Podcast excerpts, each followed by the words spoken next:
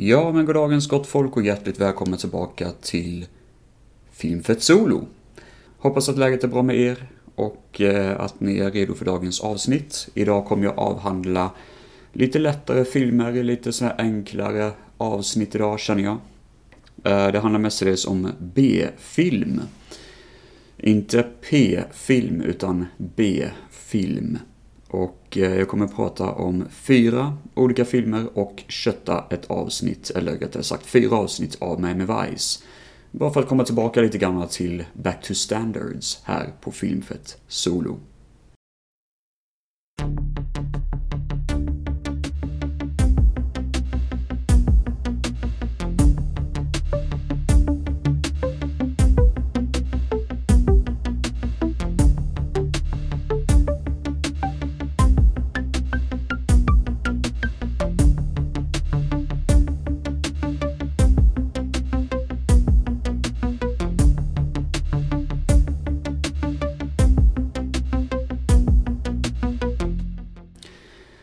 Vi drar igång direkt med Love and Monsters, som är en film som går på Netflix just nu. Och eh, den eh, har väl inte blivit sådär jättestor snackis, men eh, det är vissa som har sett den i alla fall, eh, som jag eh, liksom känner till. Eh, och Love and Monsters är en film som jag såg en trailer på, på YouTube, för ett tag sedan och tyckte, att men det här ser lite halvkul ut. Och sen så fick jag veta det att den går tydligen på Netflix, att det var en Netflix-film, vilket faktiskt överraskade mig, för det tänkte jag inte på att det var. I alla fall, Love and Monsters handlar om en ung kille som eh, dejtar en tjej på planeten jorden. och planeten jorden, det var eh, eh, märkligt sagt kanske, men eh, han dejtar en tjej och eh, de är verkligen jättekära och så och helt plötsligt så invaderas deras eh, stad av en massa djur demoniska djur, typ lite grann. Eh, lite sådär Starship Troopers-aktigt, typ. Och de tvingas fly till underjordiska eh, då, territorier för att eh, de här monstren har tagit över hela ytan av jorden. Och eh, han lever i eh, en egen bunker för sig själv och försöker då få kontakt med sin tjej då. Vilket han får göra efter några veckors, eh, eller några år rättare sagt. Det har gått sju år efter den här invasionen. Och han lever under jordens yta, det han säger är jättekul. Han lever i en bunker, man tycker ändå det är chill folk han lever med. Även om han är lite grann av en loser typ och får bara vara en kock. Han får inte jobba så mycket med de som jag, alltså är jagare då på eh, ytan, utan han får eh, vara i bunkern hela tiden då. Och i alla fall så bestämmer sig den här killen, Joel heter han förresten. Han bestämmer sig för att eh, dra ut till ytan för att hitta sin tjej då, för deras connection har brutits och han inser att det är typ ingen syfte med honom att vara kvar i bunkern längre, han ser ingen poäng med det. Så han drar ut på ytan och ehm, eh, hela jävla jorden är ju typ grön. Alltså det är grönska som växer överallt typ och naturen har tagit över allting i stort sett. Det finns typ inga städer kvar. Det är, det är bara enstaka hus och grönska nästan. Det ser jävligt vackert ut faktiskt. Det är väldigt likt det tv-spelet, um, uh, zombie-tv-spelet, uh, Last of Us heter det. Riktigt nice miljö. Och påminner också lite grann om den filmen faktiskt. Uh, the Girl with All the Skills, tror jag den heter. Något sånt.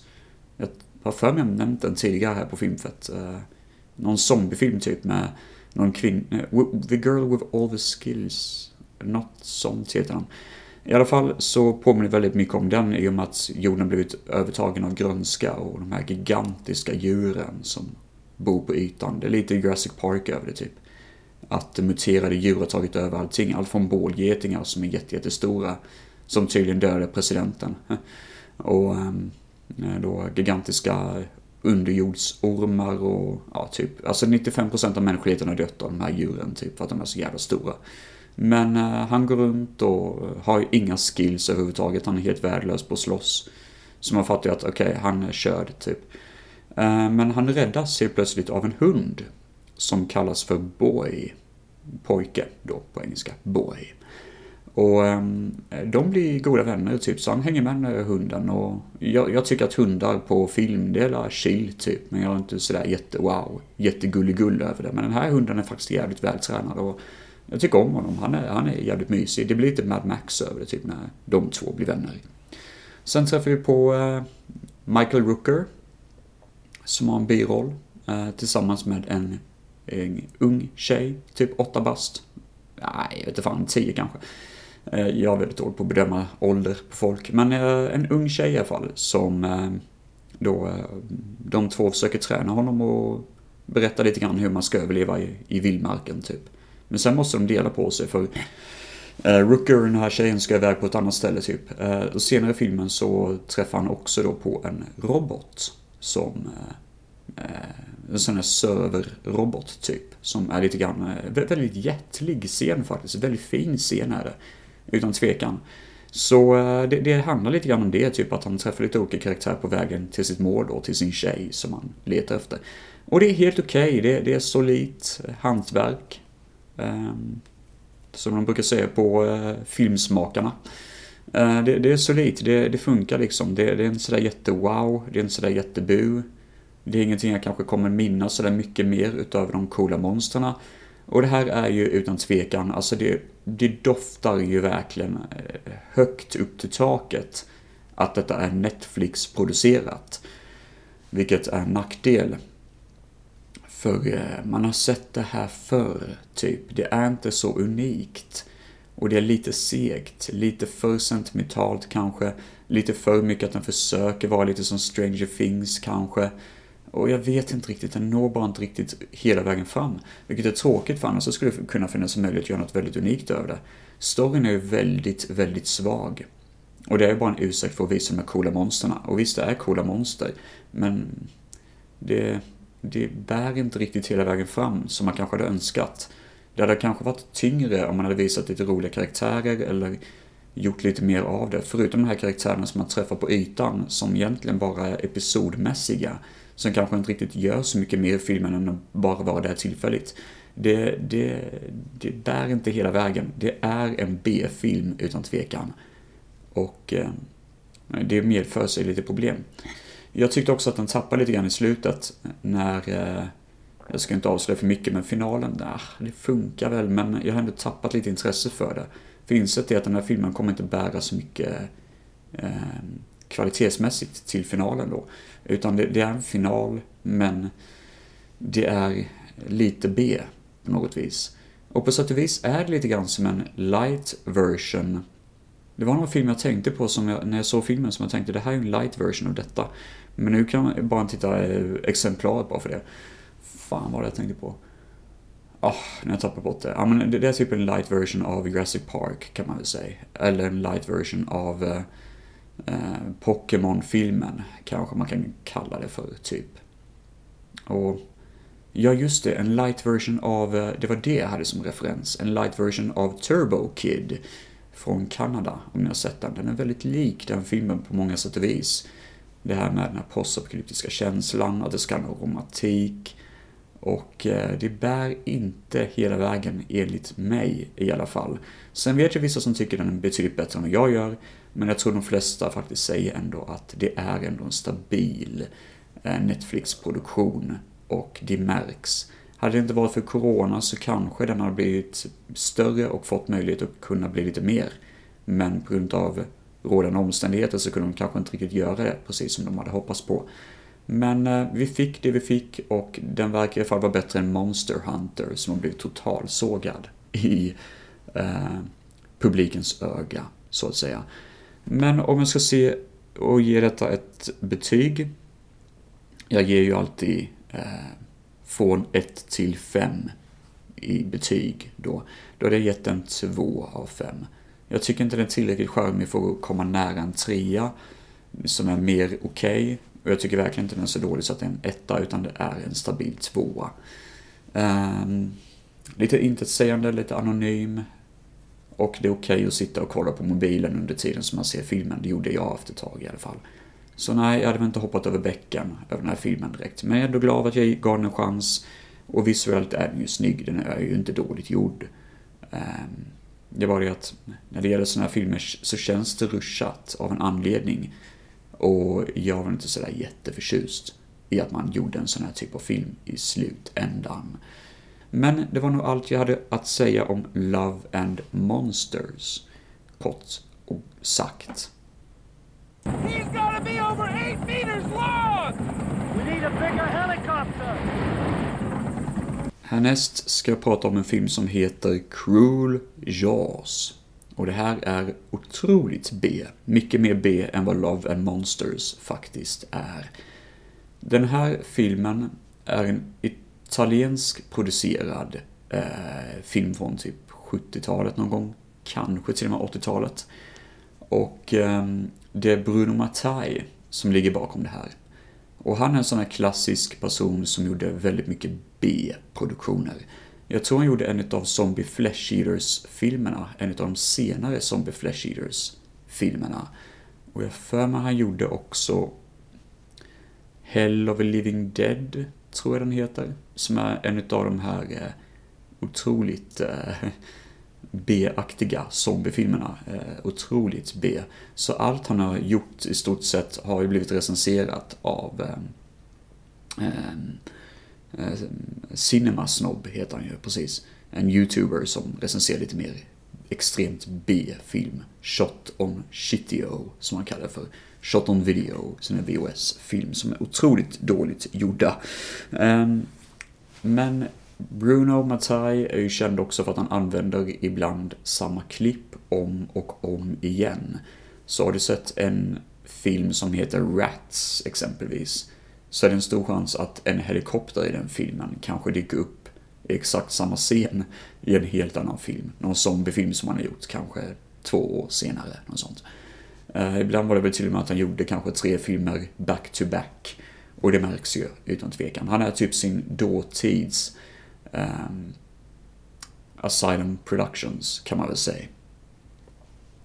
Curious handlar som sagt vad som ni hör på titeln. Detta är ju om en haj. Och eh, det fanns ju en haj som dök upp där 77 av en kille som heter Steven Spielberg. Filmen heter Jaws. Jag tror inte ni har sett den, den är väldigt obskyr och svår att hitta. Nej, men Cruel Jaws är ju såklart en kopia på den här filmen då. Och ehm, det handlar om en kille och hans tjej som åker till en... Ehm, eh, det här är typ ett zoo med en massa sådana här delfiner som hoppar runt. Så jag kommer inte ihåg, typ SeaWorld-aktigt kan man väl säga. Och det här drivs då av en kille som ser ut som en crossover mellan Hulk Hogan och eh, den otroligt karismatiska Tiger King. Och det här är någonting som man ser redan direkt att det här är en Hulk Hogan-kopia. Det lustiga är att när jag, tvungen, jag googlade på hans namn och Jajamensan, han är faktiskt känd för att han ser ut som Hulk Hogan. Och det tyckte jag var så jävla kul att man är känd för det på riktigt liksom. Så när man ser filmen kan man dra en massa skämt om liksom What you doing there brother? Typ. Vilket faktiskt är jävligt kul. Ehm, men han lever inte vidare på sin karismatiska karisma som skådespelare utöver hur otroligt lik han är Hulk Hogan, vilket i sig faktiskt är jävligt komiskt att han är så otroligt träig som skådis. Och huvudskådespelaren ser väldigt mycket ut som eh, Matt Damon också. Han har drag av Matt Damon, vilket hade varit skitkul om det visade sig att det här faktiskt hade varit hans första film. Det hade varit jävligt roligt om Cruel Jaws hade varit Matt Damons absolut första film i världshistorien. Fy fan, vi hade garvat om det hade varit så. Cruel Jaws handlar i alla fall som sagt var om det här eh, delfinstället. Och eh, det kanske inte låter så mycket som att de har med haj att göra, men samtidigt är det en haj som åker runt på närliggande strand och dödar folk. I extremt dåliga stock footage, det vill säga att man har köpt in material från något företag som säljer typ liksom eh, hajfilmer och hajvideos Och bara klippt in det i filmen helt random och hoppas att folk ska tro att det är samma haj typ. Och det ser ju för jävligt ut, det ser riktigt värdelöst ut. Ibland har de faktiskt någon gummihaj under vattnet som ser otroligt märkligt ut. Och ibland har de också någon sån här eh, en riktig replika av en haj som attackerar en båt eller något sånt och då ser det faktiskt nice ut. Det tråkiga är att allt klipps ihop i en enda röra som gör att det är väldigt svårt att hänga med i vad som faktiskt händer när man ser filmen. Klippningen är helt förjävlig. Det är exempelvis en scen då den här Matt Damon gå och prata med eh, Hulk Hogan då. Och man ser att de precis, alltså poängen när man ser två karaktärer som ska gå och prata är ju att man ska se att de har gått ett tag. Men de har ju klippt, de har inte klippt bort den delen där de börjar gå. Vilket gör att de står på plats, väntar på sin signal och sen börjar de gå. Och de har med hela det i filmen, vilket faktiskt är riktigt lustigt när man ser den sekunden som man kunde klippt bort. Och det, det sabbar väldigt mycket för känslan av att det faktiskt ska vara en riktig autentisk dialog, typ. I alla fall, eh, Hulk Hogan är sur på att en cigarrökande svin försöker ta över det här eh, delfinstället. Och eh, hans Hulk eh, har då en dotter såklart som eh, eh, sitter i rullstol. Och She talks like this daddy. Typ, så man fattar direkt att ah, okej, okay, vi ska tycka att hon är jättesockersöt. Och så skrattar hon som en liten flicka, för hon är verkligen en liten flicka. Det är nästan som att hon har pitchat upp sin egna röst verkligen för att vara jättesympatisk, vilket gör filmen otroligt mycket mer roligare på sätt och vis. Att såklart sitter hon i rullstol, såklart har hon en sån här sockersöt röst.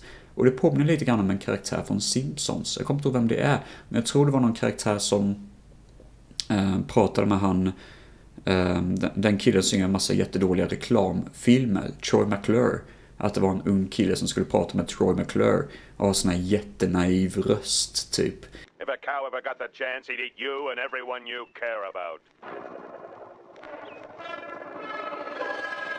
Wow, Mr. McClure, I was a grade A moron to ever question eating meat. yes, you were, Jimmy. Yes, you were. Så den här filmen drar ju på i hundra cylindrar när det gäller klyschiga karaktärer och är precis lika upplagd som mästerverket Hajen. Fast eh, på sätt och vis ännu bättre kanske. Nej, absolut inte. Eh, såklart så blir det en scen då hela stranden attackeras av en haj. Och såklart är det att den här cigarettrökande svinet inte vill att folk ska veta om att det är en haj i vattnet. Men eh, den scenen då hajen attackerar är ganska kul för då har man klippt in en massa coola sådana här animatronics eh, haj-robotar som typ liksom eh, ska attackera folk. Men som sagt vad som jag sagt innan så är det väldigt dåligt klippt så man får kanske se en mikrosekund av den här coola scenen när en haj reser sig upp i vattnet och ska bita tag i en båt. Men sen efter det så får vi bara se en massa klippbilder på folk som springer runt på stranden som fucking idioter. Och... um, samtidigt som den här hajen då liksom attackerar ibland och ibland så ser man någon person som drunknar och det är så otroligt dåligt klippt allting. Herregud vad dåligt klippt det här är. Och som sagt var, som jag sa innan när jag började det här eh, med att recensera den här filmen, det påminner väldigt mycket om Asylum Films i hur dålig klippningen och kvaliteten på, eller på den här filmen faktiskt är. Riktigt jävla risig. Fast jag tror nästan Asylum Films är lite bättre på att följa regler hur man faktiskt gör en film. Till skillnad från hur eh, eh, Bruno Mattei gjorde den här filmen då. Nej, men gamla goda Bruno har ju sin charm och den här filmen har också sin charm om man ser det i sällskap med andra. Det gjorde ju, det gjorde ju jag då. Eh, vi skulle egentligen se en annan, betydligt bättre film var det tänkt sig, men vi startade igång den här filmen helt random bara för att se vad det var för skit. Och sen så skrattade vi så jävla mycket så vi fortsatte se klart filmen. Även om vi insåg att slutet på filmen, det, det går inte att hänga med. Vi brydde oss inte ett skit. Det är verkligen en walk and talk movie med väldigt mycket konversationer och väldigt lite high action. Generellt, Cruel Jaws existerar, men ingen wow-produktion, absolut inte. Kanske inte en film jag skulle rekommendera för alla att se. Men har ni gott sällskap, har ni lite bash och vill se något otroligt dåligt gjort och kanske till och med skrattar lite och skrattar lite åt Hulk Hogan så eh, tycker jag garanterat att det här faktiskt kan vara en film som kan ge lite underhållningsvärde i alla fall. Men eh, Cruel Jaws är nog inte värd att lägga mycket pengar på. Absolut inte.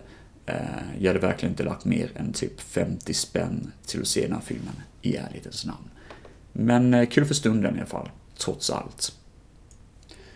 Då fortsätter jag dagens avsnitt med Light Blast från Jag ska kolla på min VHS faktiskt, när fan. En sekund. Eh, där har vi den.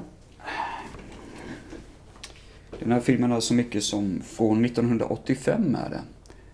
Och eh, regisserades av Enzo G. Castellari. Och det här är en regissör som har gjort något jäkligt känt. nu ska jag googla bara för det, för jag kommer fan inte ihåg. Castellari, han är tydligen ganska känd. Oj, han lever tydligen fortfarande. 82 år gammal är han. Ja, just det, han gjorde ju Inglourious Bastards, originalet där från 78. Och eh, 1990 The Bronx Warriors samt Escape from the Bronx. Sen har han säkert gjort det andra goda. The Great White, även känd som The Last Shark. Också en Produktion. Ja men det är härligt. The New Barbarians är jag mest känd för där då. Från 1983. Ärligt talat så är detta filmer som jag ännu inte har sett. Så det här är den första filmen jag sett av Enzo. Och eh, det här var en av filmerna jag köpte för länge sedan på... Ehm, eh, när jag var i Hudiksvall var det va? Eh, måste det varit. Ja, när jag var där i den här VHS-butiken i alla fall. Var det Hudiksvall? Ja, nu kommer jag fan ihåg. Men skitsamma, jag köpte den för ganska länge sedan. Det är en action polis-film, står det på framsidan. Det vet inte fan vad man ska kalla det här för egentligen. Schlockfilm, typ. Nej, men storyn är att det är två personer i början av filmen som sitter och har lite kul, lite right into the titan i en uh, sån här eh, tågbana, uh, eller tågstation. Eh, som är övergiven och helt plötsligt så dyker det upp en van som har någon typ av vapen i baksätet. Som skjuter en dödsstråle som smälter typ hela jävla stället. Alltså allt exploderar bara helvete typ i otroligt dålig fashion. Men det är lite, lite dåliga såna här väldigt tidiga digitala effekter och sånt som ser riktigt jävligt ut. Eh, och de här personerna smälter levande. Och i bilen ser vi då en professor som sitter och skrattar högt. Och det visar sig att detta var ett terrordåd, såklart. Och när professorn har terroriserat samhället tidigare, han och hans chaufför. Jag tror till och med de är tre pass som är ansvariga bakom detta. In kallas då en polis. Och vad heter den här polisen? Ja, just det. Ron heter han. R-O-N-N. Och han får veta då att den här eh, Jury, som heter, den här vetenskapsmannen, ligger bakom då det här eh, terrordådet och eh, ger sig på jakt efter honom. Eh, för han vet om att offentliga platser kommer att vara det nästa målet då. Så alla poliser blir uppsatta på olika ställen runt om i samhället och ska bevaka de här eh, områdena då och hålla sig utkik efter den här vita skåpsbilen. Och ja, det, det, är ju en väldigt plastig historia. Som ni hör, det här är ju otroligt B. Eh, nästan i samma stuk som Cruel Jaws, fast det positiva är ju faktiskt det att det är en egen story. Den försöker inte eh, hålla med sig på något annat håll. Det är ganska mycket humor också på något vis inblandat, för det känns ju som en sån film som kanske inte tar sig själv för allt för stort allvar.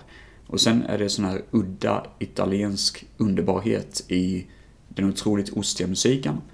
Som är charmig och mirakulöst nog inte... Eh, Alltså det, det, det är någon tillsättning i filmen som ändå är ganska skön. Ingenting man går runt och nynnar på efteråt, men det är ändå ganska gött sound bakom det.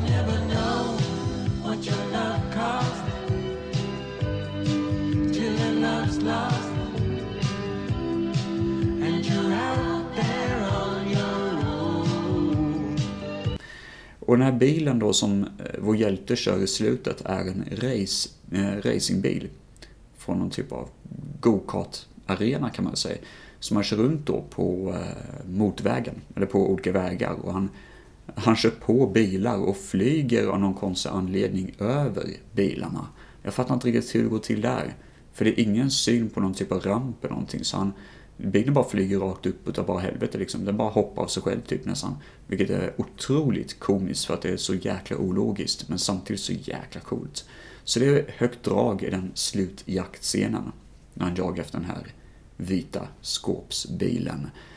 Ehm, det lustiga också det att det är ganska uppenbart att själva huvudstoryn med polisen då som huvudkaraktären, Ron då, att han delar aldrig scen vad vi kan se i alla fall, med skurken Juri. Någon gång kanske de delar scen, men inte ofta. Inte alls ofta. Och jag tror det är det att Juri, den här vetenskapsmannen, att hans scener blir inspelade för sig och att Rons scener blev inspelade för sig. Så de har inte ens delat eh, scen tillsammans, utan de har bara liksom spelats in vid olika tillfällen i olika miljöer. Och min teori är att Enzo hade Juri som skådespelare då i Italien och spelade in hans scener i Italien då. Nu vet jag inte om detta är sant, jag får kolla upp så att detta verkligen stämmer. Eh, men... Eh, eh, och att han använde då sin huvudskådis som troligtvis amerikan i alla fall. Och spelade in hans scener och själva huvudfilmen för sig separat då. Och så klippte han in de här två olika grejerna och fick det att sammanhänga sig. Bara för att den här eh, Jury är uppenbart dubbad till någon wannabe tyska, tror jag ska vara. Ehm, ja. Och det, det, det, är ju väldigt B. Det är ju otroligt B, men också otroligt underhållande att se den här Light Blast. För det är en rolig film med mycket explosioner och mycket action och mycket pang-pang. Men i slutändan är det ju inte värt så mycket mer än det.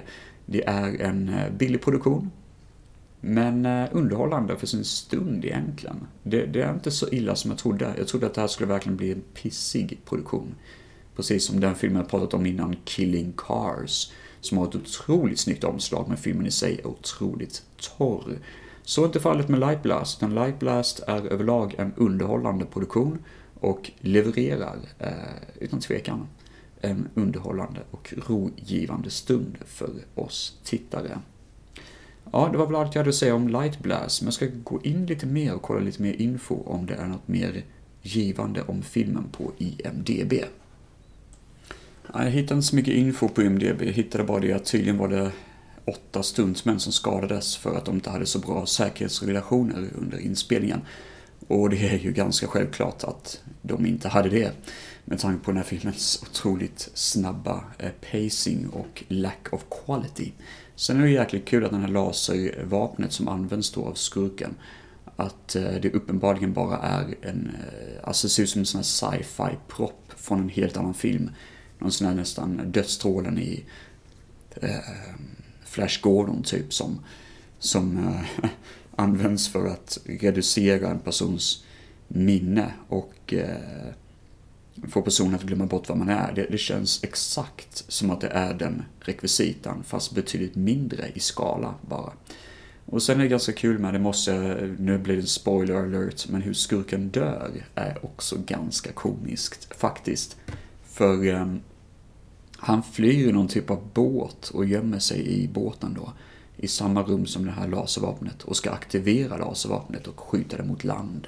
Men då landar ju den här bilen, den här fräsiga bilen som skurken, eller som hjälten kör runt med på taket av båten och skakar till båten lite grann. Och det gör att själva vapnet vrids om på sin egna axel och börjar skjuta eh, liksom runt i rummet då, där den här skurken sitter. Eh, och han bara skriker bara nej, nej, nej, jag måste få slut på det här. Men han hinner aldrig resa sig i tid. Utan då kommer strålen och skjuter honom och gör att han smälter och dör. Det här går otroligt snabbt på kanske 30 sekunder, något sånt. Och så ser vi då att hjälten står där på båten och bara kollar ut över vattnet och bara japp, eh, jag stoppade skurken typ. Och sen så drar eftertexterna igång. Och det här är klimaxet efter den här otroligt långa jaktscenen, biljaktscenen. Och eh, ja, det var ju det var ju en händelse som hände under filmen ganska kul faktiskt att de valde att göra en sån sak. Men det känns ju återigen som att filmens budget gjorde att det blev så. Eller att skådespelarna inte kunde vara i samma rum. Det är exakt det jag menar, att skådespelarna bara fick filma sina egna scener var, var och en för sig. Vilket känns i alla fall som att det är, som var så var fallet i Light Blast. Den har fått ganska mycket kritik och blivit ganska sågad på IMDB. Jag ska se om jag hittar en recension här. Colpi de Lucke heter den förresten på eh, på eh, italienska. Colpi de Lucche. Nu ska vi se, ja det är en, en eh, snubbe som har skrivit en snabb recension här. Eh, Crin heter recensenten. Och han skrev detta tydligen 6 oktober 1998. Så det var länge sedan. Det var faktiskt riktigt sjukt. Uh, de skrev så här. Just another example of Eric Estradas bad acting. This has got to be one of the worst movies I've seen in years. Anticlimactic ending and stupid effects. ja, det är ju fantastiskt. Och det är den enda recensionen så vitt jag kan se. Jo, det finns 13 andra user reviews. Och här har vi en som heter Oj, oj, oj, oj, det här är kul. Här har vi en kille som heter Manloaf som har gett 10 av 10. My favorite movie, skrev han. Och detta är 20 november 2002. The first time I saw this movie was a couple of years ago. It was at the end of some old tape that had been lost uh, with time. And it only had the ending of it. Some friends and I just happened across it one night and we couldn't stop laughing at it. In fact, we liked it so much that I scored the internet for a full version of it.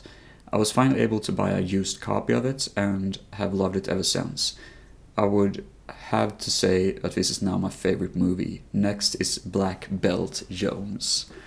Wow, det är ju fantastiskt. Och här är en recension av Bessen vid den här.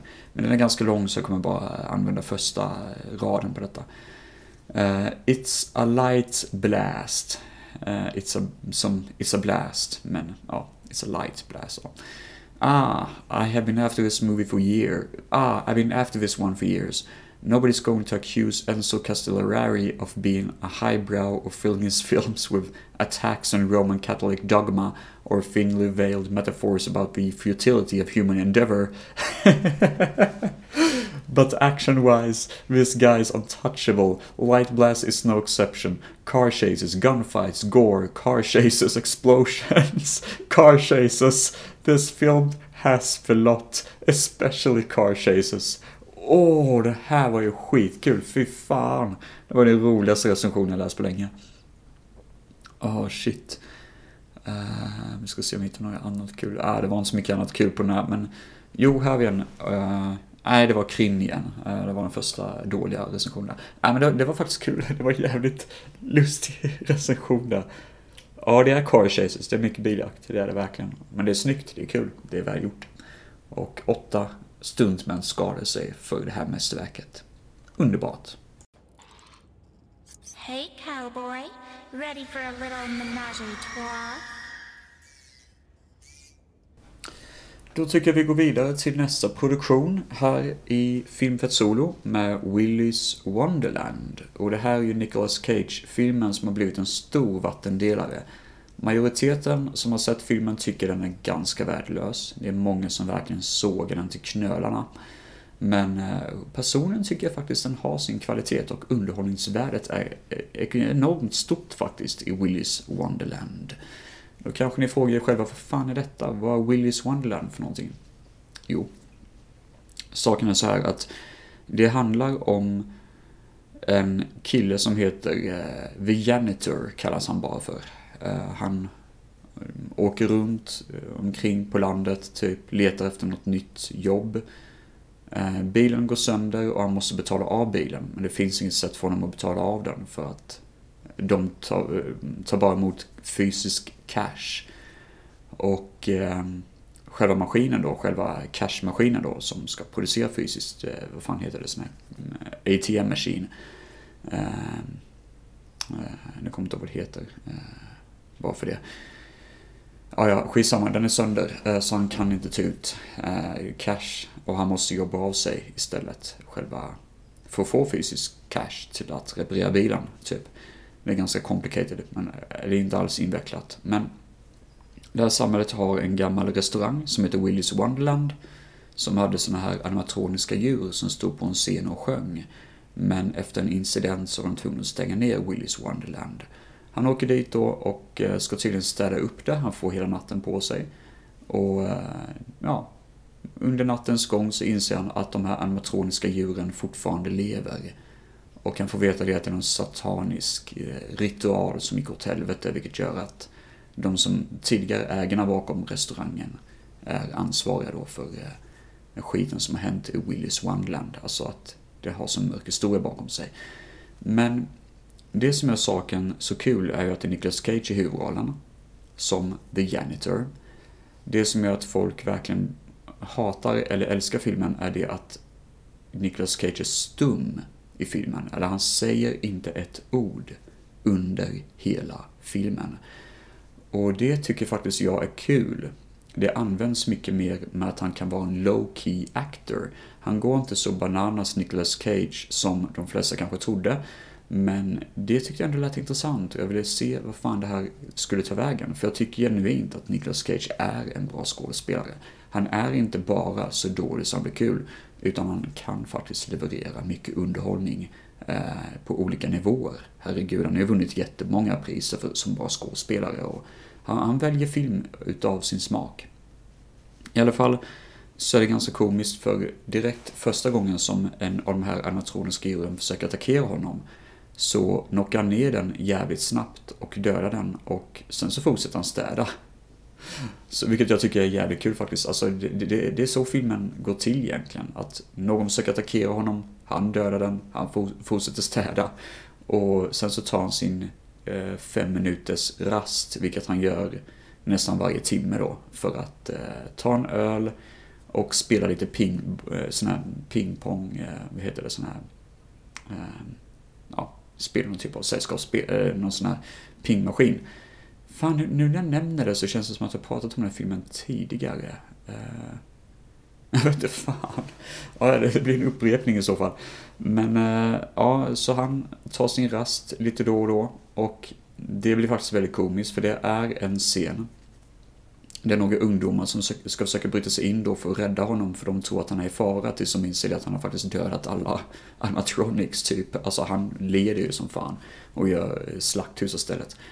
Ehm, men ehm, det, det är en scen då det är en av de här robotarna som försöker attackera en tjej. Och precis så, piper hans klocka, den här eh, Nicolas Cage klocka, att han måste ta rast. Så han bara lämnar bokstavligt talat rummet och bara, äh, rast, typ. Han bara sticker och hon bara, okej, vad fan, vad fan ska du ta vägen? Så går han och har sin fem minuters break. Eh, hon tvingas slåss mot den här saken själv och sen komma tillbaka igen. Typ, liksom. Och det, det är jätteknäppt att det är så, men jag tycker det är helt underbart. Det, det är verkligen ett wonder att se den här filmen. Den är bara en eh, och en halv timme lång och jag tror många människor förväntade sig mer för att det är Nicolas Cage. Jag förväntade mig inte mycket alls. Jag tyckte bara det skulle vara en kul film att se. Och det är precis det det är. Det är en rolig film att se. Det är en good time. Man ser inte den för speciella effekter, man ser inte den för något speciellt utöver det. Man ser den för att se Nicolas Cage slå skiten ur animatroniska djur och eh, vara underbart bisarr som bara Nicolas Cage kan vara. Ja, jag hade faktiskt en väldigt rolig stund med Willy's Wonderland. Men den är en vattendelare och man kan aldrig övertala folk om de har rätt eller fel. Men jag tycker såklart att jag har fel, eller att jag har rätt. Men jag, i min smak av den här underbara produktionen Willy's Wonderland. Helt outstanding. Sen måste man ju nämna också att Willy's Wonderland har ju tagit tung inspiration från tv-spelet um, Five Nights at Freddy's och det är ganska självklart att de har gjort det, för Five Nights at Freddy's är ett skräckspel då man ska eh, vakta då en hamburgerrestaurang mitt på natten. Och man har fem nätter på sig och de här animatroniska djuren eh, lever då. Och då får man stänga in sig själv i ett rum med elektroniska dörrar. Enda problemet är att man får inte överanvända de här dörrarna för då går batteriet typ. Eh, vilket är jättekonstigt. Man måste vara väldigt smart och taktisk till hur man då in sig i det här rummet samtidigt som man kollar på en dataskärm om var de här djuren befinner sig. Och eh, så blir det jump scares varje gång som man förlorar, vilket man alltid gör typ.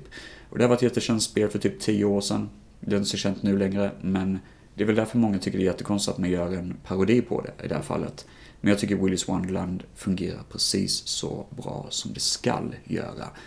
Nu tycker jag damer och herrar att vi drar vidare till Miami och eh, runda av eh, dagens avsnitt av Filmfett Solo.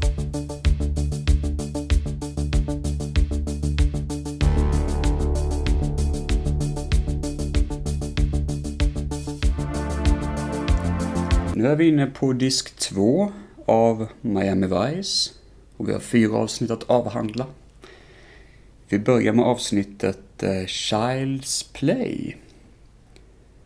Och eh, Ja... Det här minns jag inte så bra, härligt talat, men det är ett spaningsjobb. Sonny Crockett råkar av misstag skjuta ett barn. Och eh, det här är ju riktigt hemskt, för det handlar egentligen om våld i ett familjehem. Det är det som är typ storyn bakom det hela. Och eh, Sonny går runt och typ hotar familjen då väldigt mycket om hur de har behandlat det där barnet från första början. Men är också såklart förstörd över att han råkade skjuta barnet av olyckshändelse. Eh, för det är eh, att barnet var beväpnat och eh, Sonny sköt ihjäl barnet av den anledningen. Vilket är såklart jättebrutalt. Och det, hand, alltså det är mycket referenser till Sonnys son och hans fru. Han får besöka de här barnen, eh, både sin son och frugan då. Han tänker väldigt mycket över sitt liv som polis och sitt dåliga liv som familjefar och att han inte riktigt kan hantera båda vägarna. Och han börjar fundera väldigt mycket över sina livsval. Och Castillo, eller Castillo, har ett väldigt, väldigt fint, hans chef då, har ett väldigt fint tal till Sonny om bröderskap och hur mycket han verkligen bryr sig om Sonny då. Och det är mycket med den här vänskapen mellan Sonny Crockett och eh, hans kollega då, eh, Tubbs deras eh, relation, deras vänskapsrelation är väldigt skarp i det avsnittet faktiskt. Så det är ett mörkt avsnitt. Och skulle kunna vara en långfilmsavsnitt nästan. Alltså det känns som att det skulle kunna vara eh, Miami Vice the Movie. Kanske till och med finalen på en säsong hade varit riktigt suveränt att avsluta med ett sånt här tema. För det är väldigt eh, deppigt och mörkt. Sen blir det tyvärr lite för mycket att det ska ha en avslutning. Att det här barnet kanske inte var det barnet man trodde det var. Och, ja, det sabbar saker lite för mycket men mm, i, i det stora hela så tycker jag ändå det var ett väldigt bra avsnitt Child's Play. Det har sin moral och sitt tema som det behandlar väldigt bra. Då har vi avsnittet God's Work efter det. Och ja, hur fan var detta nu igen? Det är en familj som heter Cruise som jobbar då med en hamn, eller i en hamn så de på att jobba med en AIDS-klinik. Och så är det någonting såklart med eh, att de håller på med det handlar om homosexualitet och aids och allt det där och sen är det någonting med en droghistoria. Jag ska väl säga att det var ett riktigt dåligt avsnitt. Det håller inte ihop någonstans. Jag fattar inte någonting vad fan det handlar om egentligen. Och eh, jag minns inte mycket av det heller. Sen så har jag skrivit här att Tubbs jagas av en trucklyft. Och jag för mig detta var inne i en hamn. Så det var ganska coolt faktiskt att han jagar den här trucklyften och tvingas liksom hoppa åt sidan och skjuta föraren. Det var lite småcoolt. Men eh, överlag eh, så är det ett väldigt torrt och tomt avsnitt. God's Work. Nu kommer vi till en utav de mest ökända, konstigaste avsnitten av Miami Vice, det som hoppar hajen utav bara helvete. Missing Hours heter det. Här har vi Chris Rock och James Brown med som karaktär. Underbar James Brown som vi alla tycker om. Eh, har verkligen inte några mörka skelett i garderoben. Usch, vilket svin det här är. Det här är så jävla konstigt.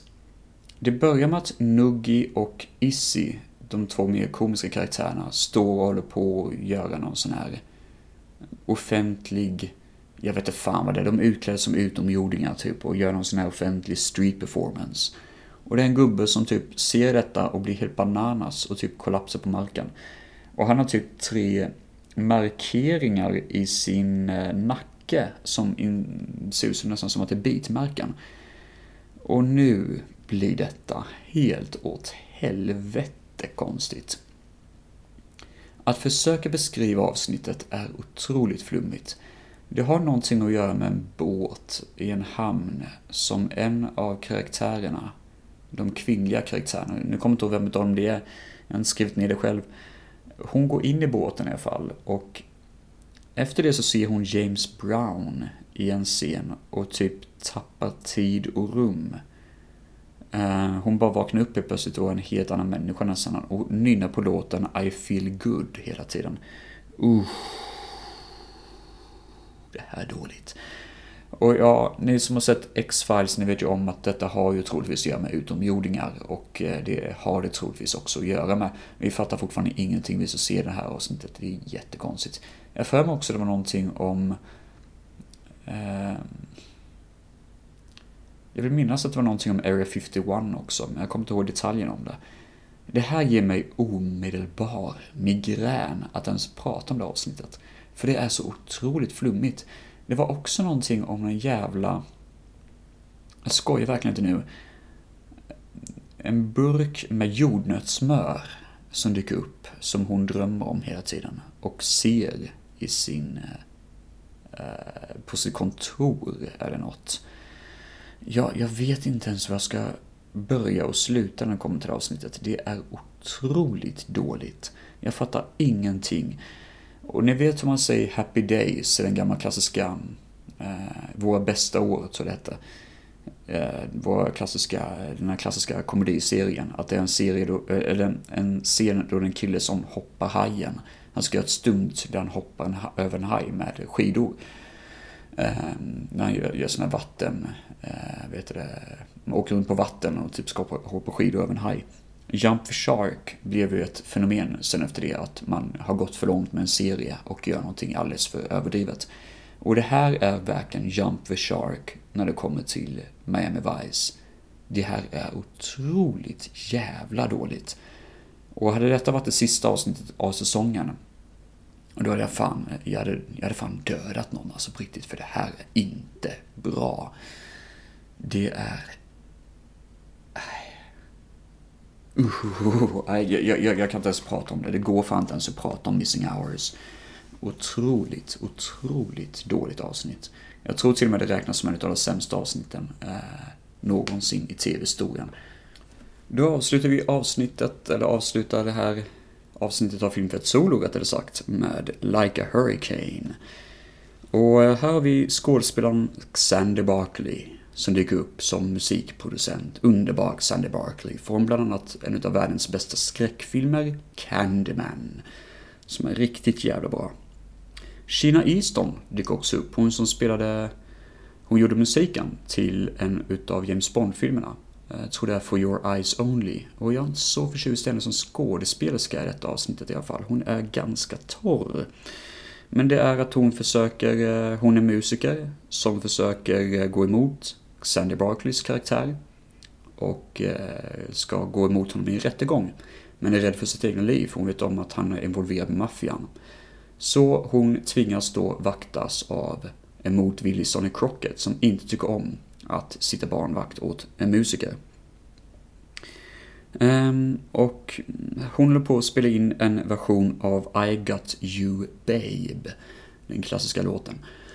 Ehm, det är då hennes gimmick i filmen då, eller i avsnittet. Och eh, Crockett blir mer och mer intresserad av den här karaktären, av Shauna Easton då.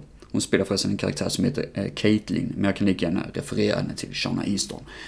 Um, och eh, de blir mer och mer kära i varandra och till slut så bestämmer sig Crockett att han ska gifta sig med henne.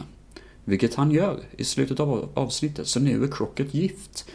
Och jag tycker det är ganska konstigt och det är många människor som kritiserar detta för det är ingen riktig kemi mellan Crockett och Sean Easton. Det känns ganska flummigt.